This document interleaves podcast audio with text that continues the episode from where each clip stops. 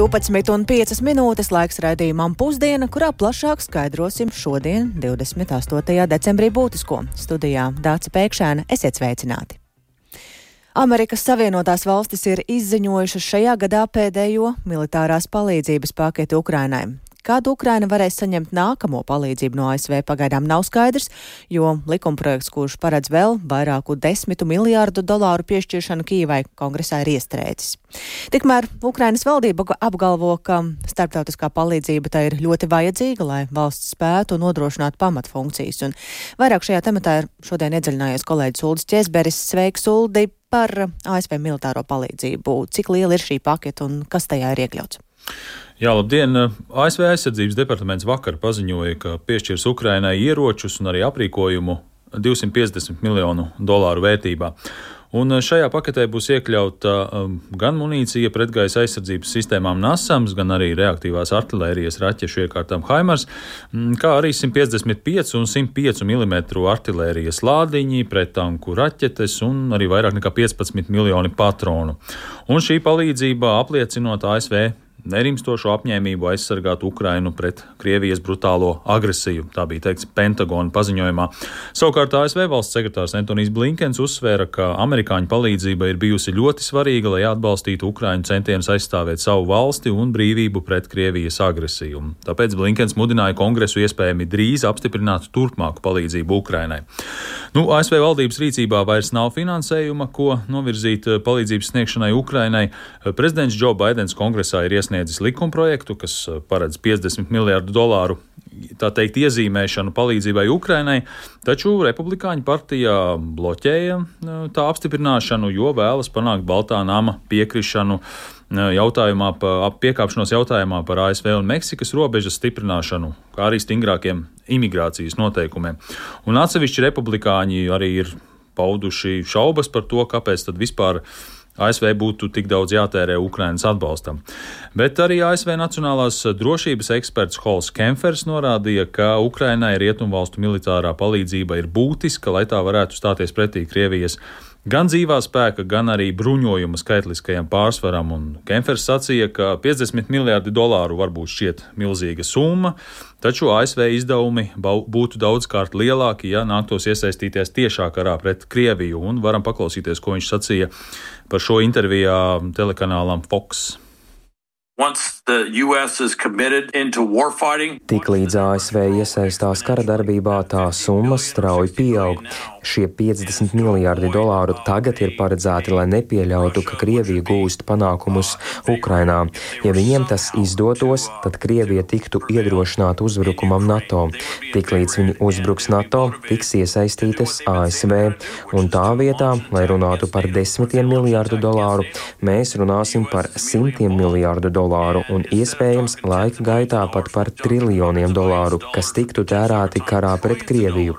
Krievija ir skaidri norādījusi, ka tās mērķis ir atgūt teritoriju, ko tā kontrolēja Padomju Savienības pastāvēšanas laikā, un tas nozīmē Krievijas tiešu konfliktu ar NATO un ASV iesaistīšanos tiešā karā, kur izmaksas būs astronomiskas un daudz lielākas, ja no konvencionālā kara tas pāries nekonvencionālā karā.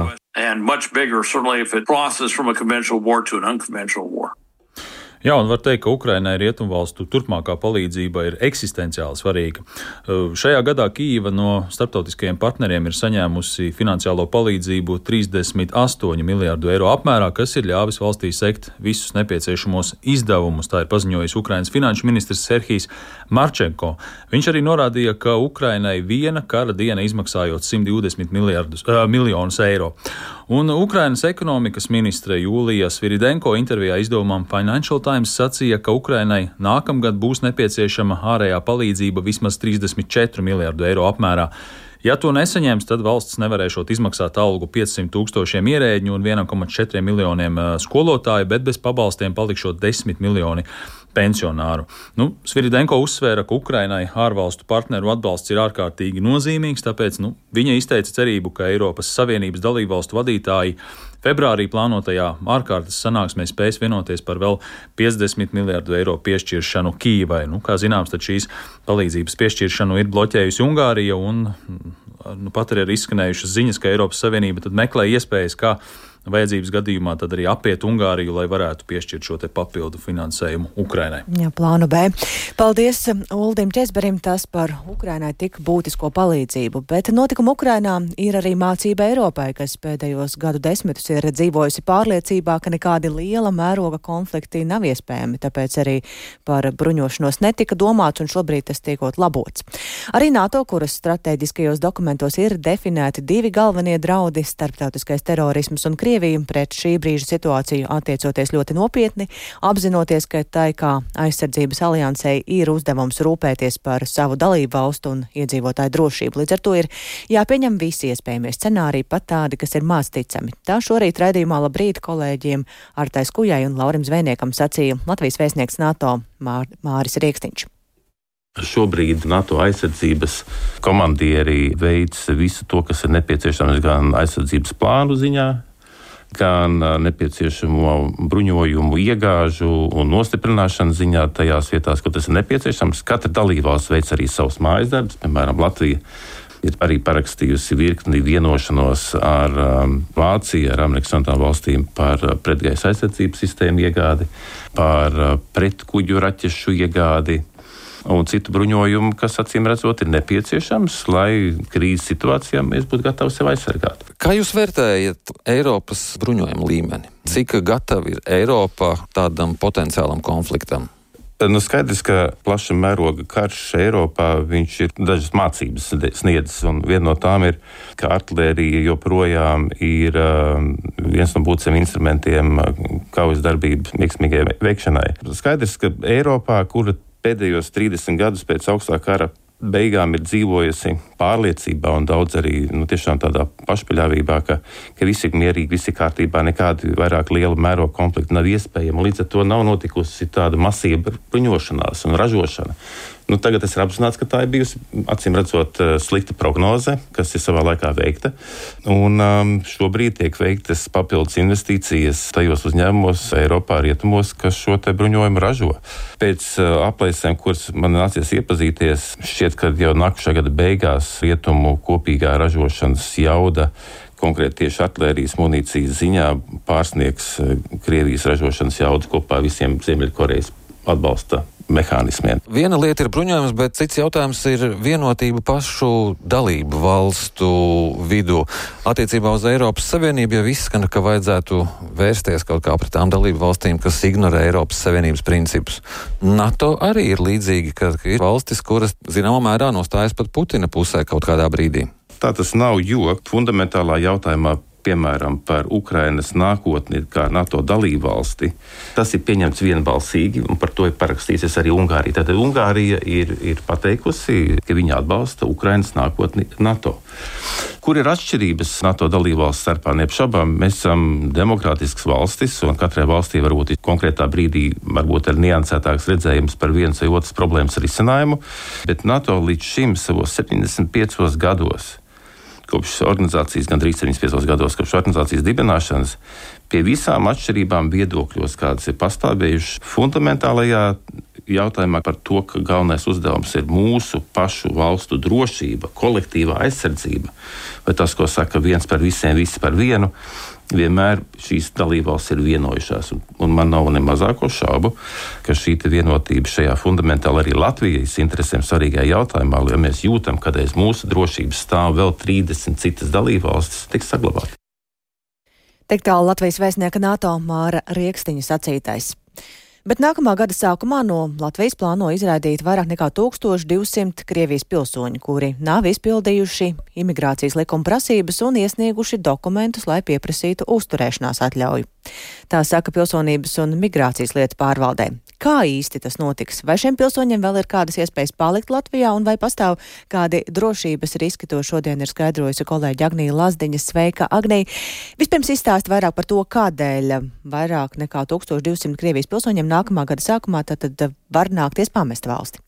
Labdien! Jā, tad minētās personas līdz likuma grozījumos atvēlētajam termiņam 30. novembrim nav iesniegušas dokumentus, jeb kādas uzturēšanās atļaujas pieprasīšanai Latvijai. Latvijā kā arī nav pieejama informācija, ka šie cilvēki jau būtu pametuši valsti. Savukārt no personām, kas kavējās ar savu uzturēšanās statusa sakārtošanu Latvijā, 1344 līdz 30. novembrim ir iesniegušas dokumentus kādas uzturēšanās atļaujas pieprasīšanai un līdz šim apkopotā informācija liecina, ka vēl 904 personas ir šķērsojušas Latvijas robežu un pametušas valsti. Galīgais personu skaits, kurām likuma prasību neizpildes dēļ nāksies pamest Latviju, vēl gan tikšot apkopots, jo nākamā gada 3. janvārī spēku zaudēs patstāvīgās uzturēšanās atļaujas tiem Krievijas pilsoņiem, uz kuriem attiecas imigrācijas likuma grozījumi un kuri līdz šī gada decembrim, 31. decembrim, nebūs iesnieguši pieteikumu Eiropas Savienības patstāvīgā iedzīvotāja statusa pieprasīšanai. Jāņem vērā, ka šis dokumentu iesniegšanas termiņš attiecas tikai uz tām personām, kuras līdz 30. novembrim bija atkārtoti kārtojušas valsts valodas pārbaudi. Un gadījumā, ja pārbauda nav nokārtota sekmīga, šiem cilvēkiem ir nepieciešams līdz nedēļas beigām, jeb 31. decembrim, pieteikties atļaujai, kas Latvijā ļautu uzturēties divus gadus, lai netiktu pārtraukta sociālo un veselības aprūpas pakalpojumu sniegšana un turpmākā uzturēšanās Latvijā nekļūtu nelikumīga. Taču tie Krievijas pilsoņi, kuriem ir attaisnojuši attaisnojoši iemesli nekārtot latviešu valodas pārbaudi, var iesniegt dokumentus uzturēšanās atļaujai līdz eh, nākamā gada marta beigām. Un atļauja uzturēties Latvijā tiks piešķirta arī uz diviem gadiem, un par attaisnojošiem iemesliem nekārtu, uh, nekārtot šo latviešu valodas pārbaudi, var tikt uzskatīti būtiski ar veselību saistīti iemesli vai arī citi personas, no personas gribas, rīci, gribas un rīcības neatkarīgi iemesli. Bet par to, kāds ir tālākais process, kas notiks, to skaidro pilsonības un migrācijas lietu pārvaldes pārstāve Madara Puķa, norādot, ka šiem 1213 Krievijas pilsoņiem vēl savā ziņā pastāvot iespēja kā palikt Latvijā. Šiem cilvēkiem būs jāsniedz uh, rakstisks paskaidrojums par neizbraukšanas iemesliem un par iespējamo izbraukšanas laiku. Un pēc tam pārvalde sagatavos uh, izbraukšanas rīkojumus, kas paredzēs, ka 30 dienu laikā valsts ir jāatstāj. Tā ir uh, likumā noteiktā prasība, kas viņiem pašiem būs jāveic labprātīgi. Ja šiem cilvēkiem ir kāds uh, pamatots iemesls, lai tomēr arī pēc uh, termiņa beigām iesniegtu dokumentus, uh, piemēram, uzturēšanās atļaujai saistībā ar ģimenes apvienošanu, jaunu darbu vai kādu citu, tad uh, jā. Bet tam ir jābūt likumiski pamatotam un paskaidrojumā būs jānorāda, kāpēc tas visos iepriekšējos termiņos uh, nav ticis izdarīts. Pilsonības un migrācijas lietu pārvalde gan rūpīgi sekošot visam līdzi, lai tad netiktu palaists garām kāds uh, aizdomīgs dokuments vai varbūt kāda aizdomīga darbība. Saki, vai šajā gadījumā pastāv kādi drošības riski, piemēram, iespējami protesti vai kas tam līdzīgs no šo cilvēku puses, kuriem ir jāpamet Latvija. Kā skaidro Rīgas Stradiņa universitātes asociētais profesors un sociāla antropologs, kurš ir pētījis krievulodīgo kopienu Latvijā, Klaus Sedlnieks, tad no Krievijas puses draudz, protams, pastāvot, un tajā ziņā vajadzētu būt piesardzīgiem, taču runājot par šiem Krievijas pilsoņiem, sociāla antropologs skaidro, ka šajos kara apstākļos viedokļi ļoti lielā mērā esot polarizējušies, un jebkādas novirzes no tādas ģenerālās līnijas līnijas, tiekot interpretētas daudz asāk nekā tas būtu miera apstākļos. Līdz ar to šobrīd mēs šos cilvēkus dzirdam mazāk mēs runājam acīm redzam par cilvēkiem, kas nav šeit iebraukuši pēdējā laikā. Ja? Tie nav turisti, kas šeit ir apmetušies uz dzīvi, bet acīm redzam cilvēki, kas šeit ir ilgstoši dzīvojuši. Un mēs varam pieņemt, ka viņiem šī situācija nu, nav patīkama vai pieņemama. Un tāpēc mums vajadzētu uzdot šo jautājumu, kāpēc viņi nekādi nepauž savu neapmierinātību.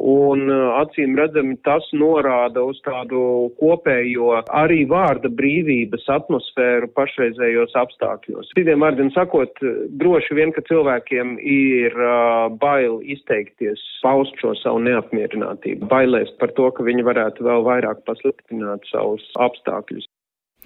Tādas apspiestas emocijas un apspiesti viedokļi paši par sevi gan neizūdot, un tie varot pie kādiem izdevīgiem apstākļiem izlausties ārā, tā norāda sociāla antropologs. Tāpat arī viņa prāta versija, ka šie Krievijas pilsoņi beidzot esot integrēti Latvijas sabiedrībā, un viņi arī saprotot, ka viņiem būtu jārunā latviski, gan esot masticama. Bet uh, plašāk par šo visu situāciju tad skaidrošu programmā pēcpusdienu. Paldies Agnijai Lazdiņai par šo skaidrojumu. Un ar Garkalnes sadalīšanu novada reformas kļūdu labošana vēl nebūs galā. Novada reformas kļūdas var nākties labot arī vēl citās pašvaldībās. Tāpēc robežu novada domas lēmuma atdot Baltazeru un tam blakus esošā Mārsila ciemu ādažu novadam atzīst saimā, kurai šie pašvaldību lēmumi būs jāapstiprina. Vienlaikus ieskanas ideja, ka novadu reformu pārskatīšana būtu jānododa balsošanai attiecīgās pašvaldības iedzīvotājiem. Vairāk par to pastāstīs kolēģis kolēģis Jānis Kīncis, kurš ir arī apzinājis citas iespējamās novadu izmaiņas. Sveiks, Jāni! Sveicināti! Uh, jā, 13. saimnes laikā pieņemtā administratīva teritoriālā reforma stājās spēkā 2021. gadā pēc pašvaldību vēlēšanām. Šo reformu jau no pirmās dienas, kad to sāka skatīt, pavadīja runas gan par loģiskiem Jāņu sēdz pētījumā par iedzīvotāju ekonomisko aktivitāti balstītiem lēmumiem, gan arī par vairāku novadu mehānisku apvienošanu lielākās ekonomiskās vienībās. Un šo tematu par par reformas eh, veikumu, par reformas rezultātiem ir tiešām aktualizējusi šī robežu doma, eh, robežu novada domas piekrišana atdot Baltazara ciemu un blakus esošo Mārsilu ciemu Ādažu novadam, bet saglabājot robežu novadā citas teritorijas ap Baltazaru, piemēram, Prietkalns un Bukultu ciemus. Protams, par šiem risinājumiem apmēram mēneša laikā vēl būs jālemj arī otrai tātad šajā lēmumā iesaistītai pašvaldībai Ādažu novada domai, un vēlāk gala lēmumu pieņems saimā. Un te jānorāda, ka Ropažu novada doma lēmumu par Garkalnas pagastu sadalīšanu balstīja uz iedzīvotāju aptauju, kurā viedokli izteica nedaudz vairāk kā 21% no visiem pagasta balstiesīgajiem. Un šīs viedokļu atšķirības un iedzīvotājiem pareizāko novada sadalījumu gatava apspriest arī Vides aizsardzības un reģionālās attīstības ministra Inga Bērziņa no jaunās vienotības, kura gada sākumā apmeklēs abas šīs pašvaldības. Taču novada reformas lēmumu pārskatīšana tuvākajos gados visticamāk attieksies vēl arī uz vairākiem citiem novadiem. Tas atspoguļosies arī varam ministrijas ziņojumā valdībai par novada reformas rezultātu izvērtējumu. Un par šo topošo izvērtējumu ministre ar Latvijas radio sazināsies vēlāk šīs dienas laikā. Taču ir zināms, ka Valdībai un saimai līdz pašvaldību vēlēšanām 25. gadā būs jātiek skaidrībā kurai pašvaldībai pievienot Varakļānu novadu. Iepriekšējās saimnes laikā varam piedāvāja to iekļaut Madonas novadā, ar ko tas ir tā Varakļāni ir bijuši saistīti gadiem ilgi. Tomēr 13. saimā no Latgales ievēlētie deputāti aizstāvēja Varakļānu pievienošanu Rēzeknes novadam, un saimnes lēmums tā arī izpalika. Un iespējamo novada reformas kļūdu labojumu varētu būt vēl daudz vairāk. Pārliecināts ir Saimnes valsts pārvaldes, pārvaldes un pašvaldības komisijas deputāts, bijušais ādažu novada mērs Māris Sprinčuks no apvienotā saraksta.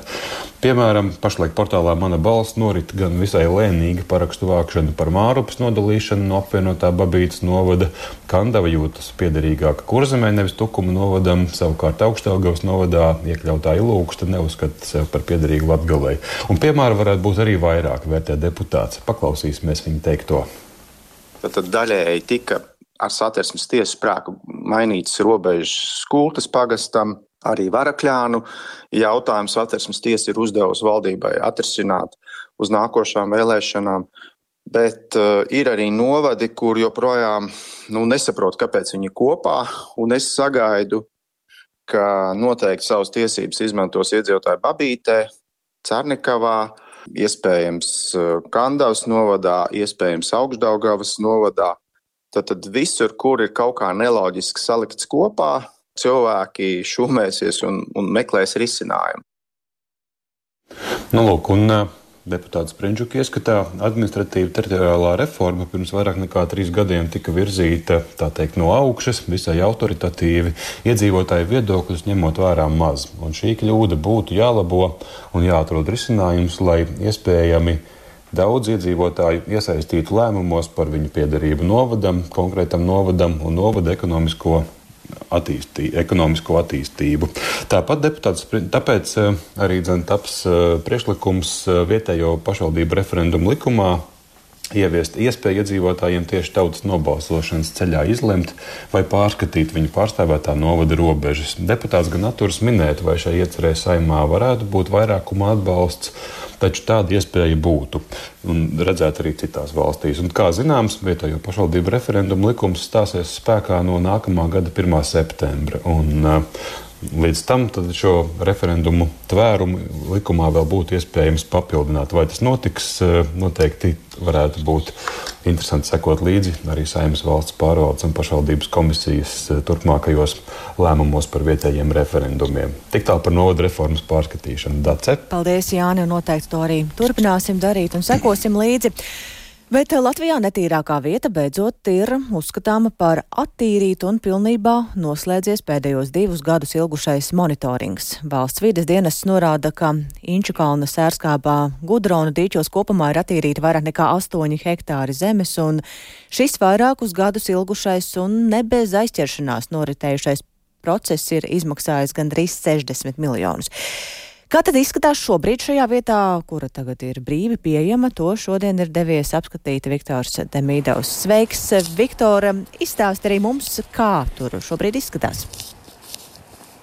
Jā, sveiki, Dārts! Sveicināt Latvijas radio klausītāji! Pat labi atrodos Siguldas novadā pie Inčukalna ziemeļu gudrona dīķa, un padomu laikos ļoti piesārņoto teritoriju tagad klāja sniega kārta, teritorija nav norobežota, par to var brīvi pārvietoties. Ir uh, norāde, kurā rakstīts uzmanību bīstami potenciāli piesārņota vieta. Apkārtējā teritorija ir ļoti klusa, mierīga, nav neviena cilvēka vai arī dzīvnieka.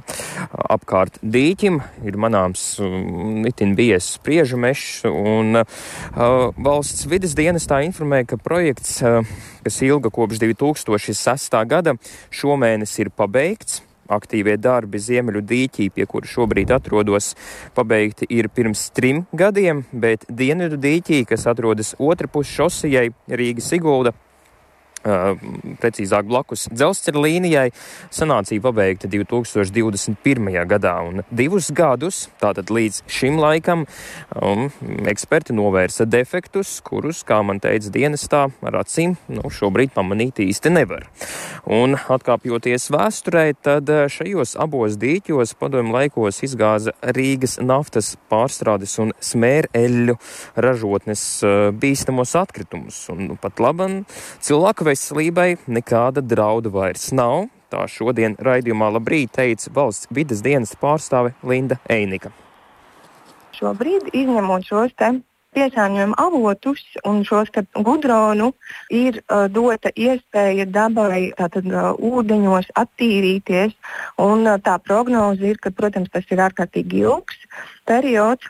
Tie šobrīd varētu būt vairāk kā simts gadi, kamēr šis process uh, paši tīrīsies, bet, ja tas nebūtu izdarīts, tad uh, šāda paša tīrīšanās nevarētu notikt. Pat cik Ziemeļdīķis ir krietni tuvāk uh, Gaujas upei, tad arī Gaujas upē divos punktos ir paredzēts veikt virsmas ūdeņu šo monitoringu, jo šo dīķu gruntsūdeņu plūsma ir Gaujas virzienā. Tālāk valsts vidas dienesta pārstāve Linda Einika vēl jāatzīmē, ka uzraudzība abos dīķos notiks vēl 30 gadus. Dace. Paldies Viktoram Demīdovam. Tātad, jā, eksperti turpinās veikt vidas kvalitātes monitoringu, bet Tas, ko varu piebilst, ka arī paralēli vēl turpinās darbiem sākotnēji piesaistītā būvniecības uzņēmuma skonto būvi tiesvedība pret valsts vidas dienestu, kurām uzņēmums par izpildītajiem Inčukalnu sērskābā Gudrona dīķu sanācijas darbiem vēlas piedzīt 20 miljonus eiro, bet plašāku reportāžu no Viktora Demidova tad dzirdēsiet raidījumā pēcpusdienu.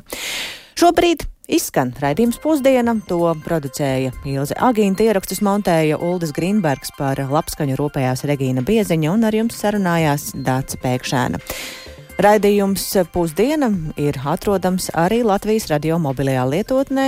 Tur jāsameklē dienas ziņas, lai mūs varētu dzirdēt, un tāpat arī Latvijas radio ziņām var sekot līdzi mūsu sabiedrisko mediju ziņu portālā LSMLV un arī Latvijas radio sociālajos tīklos.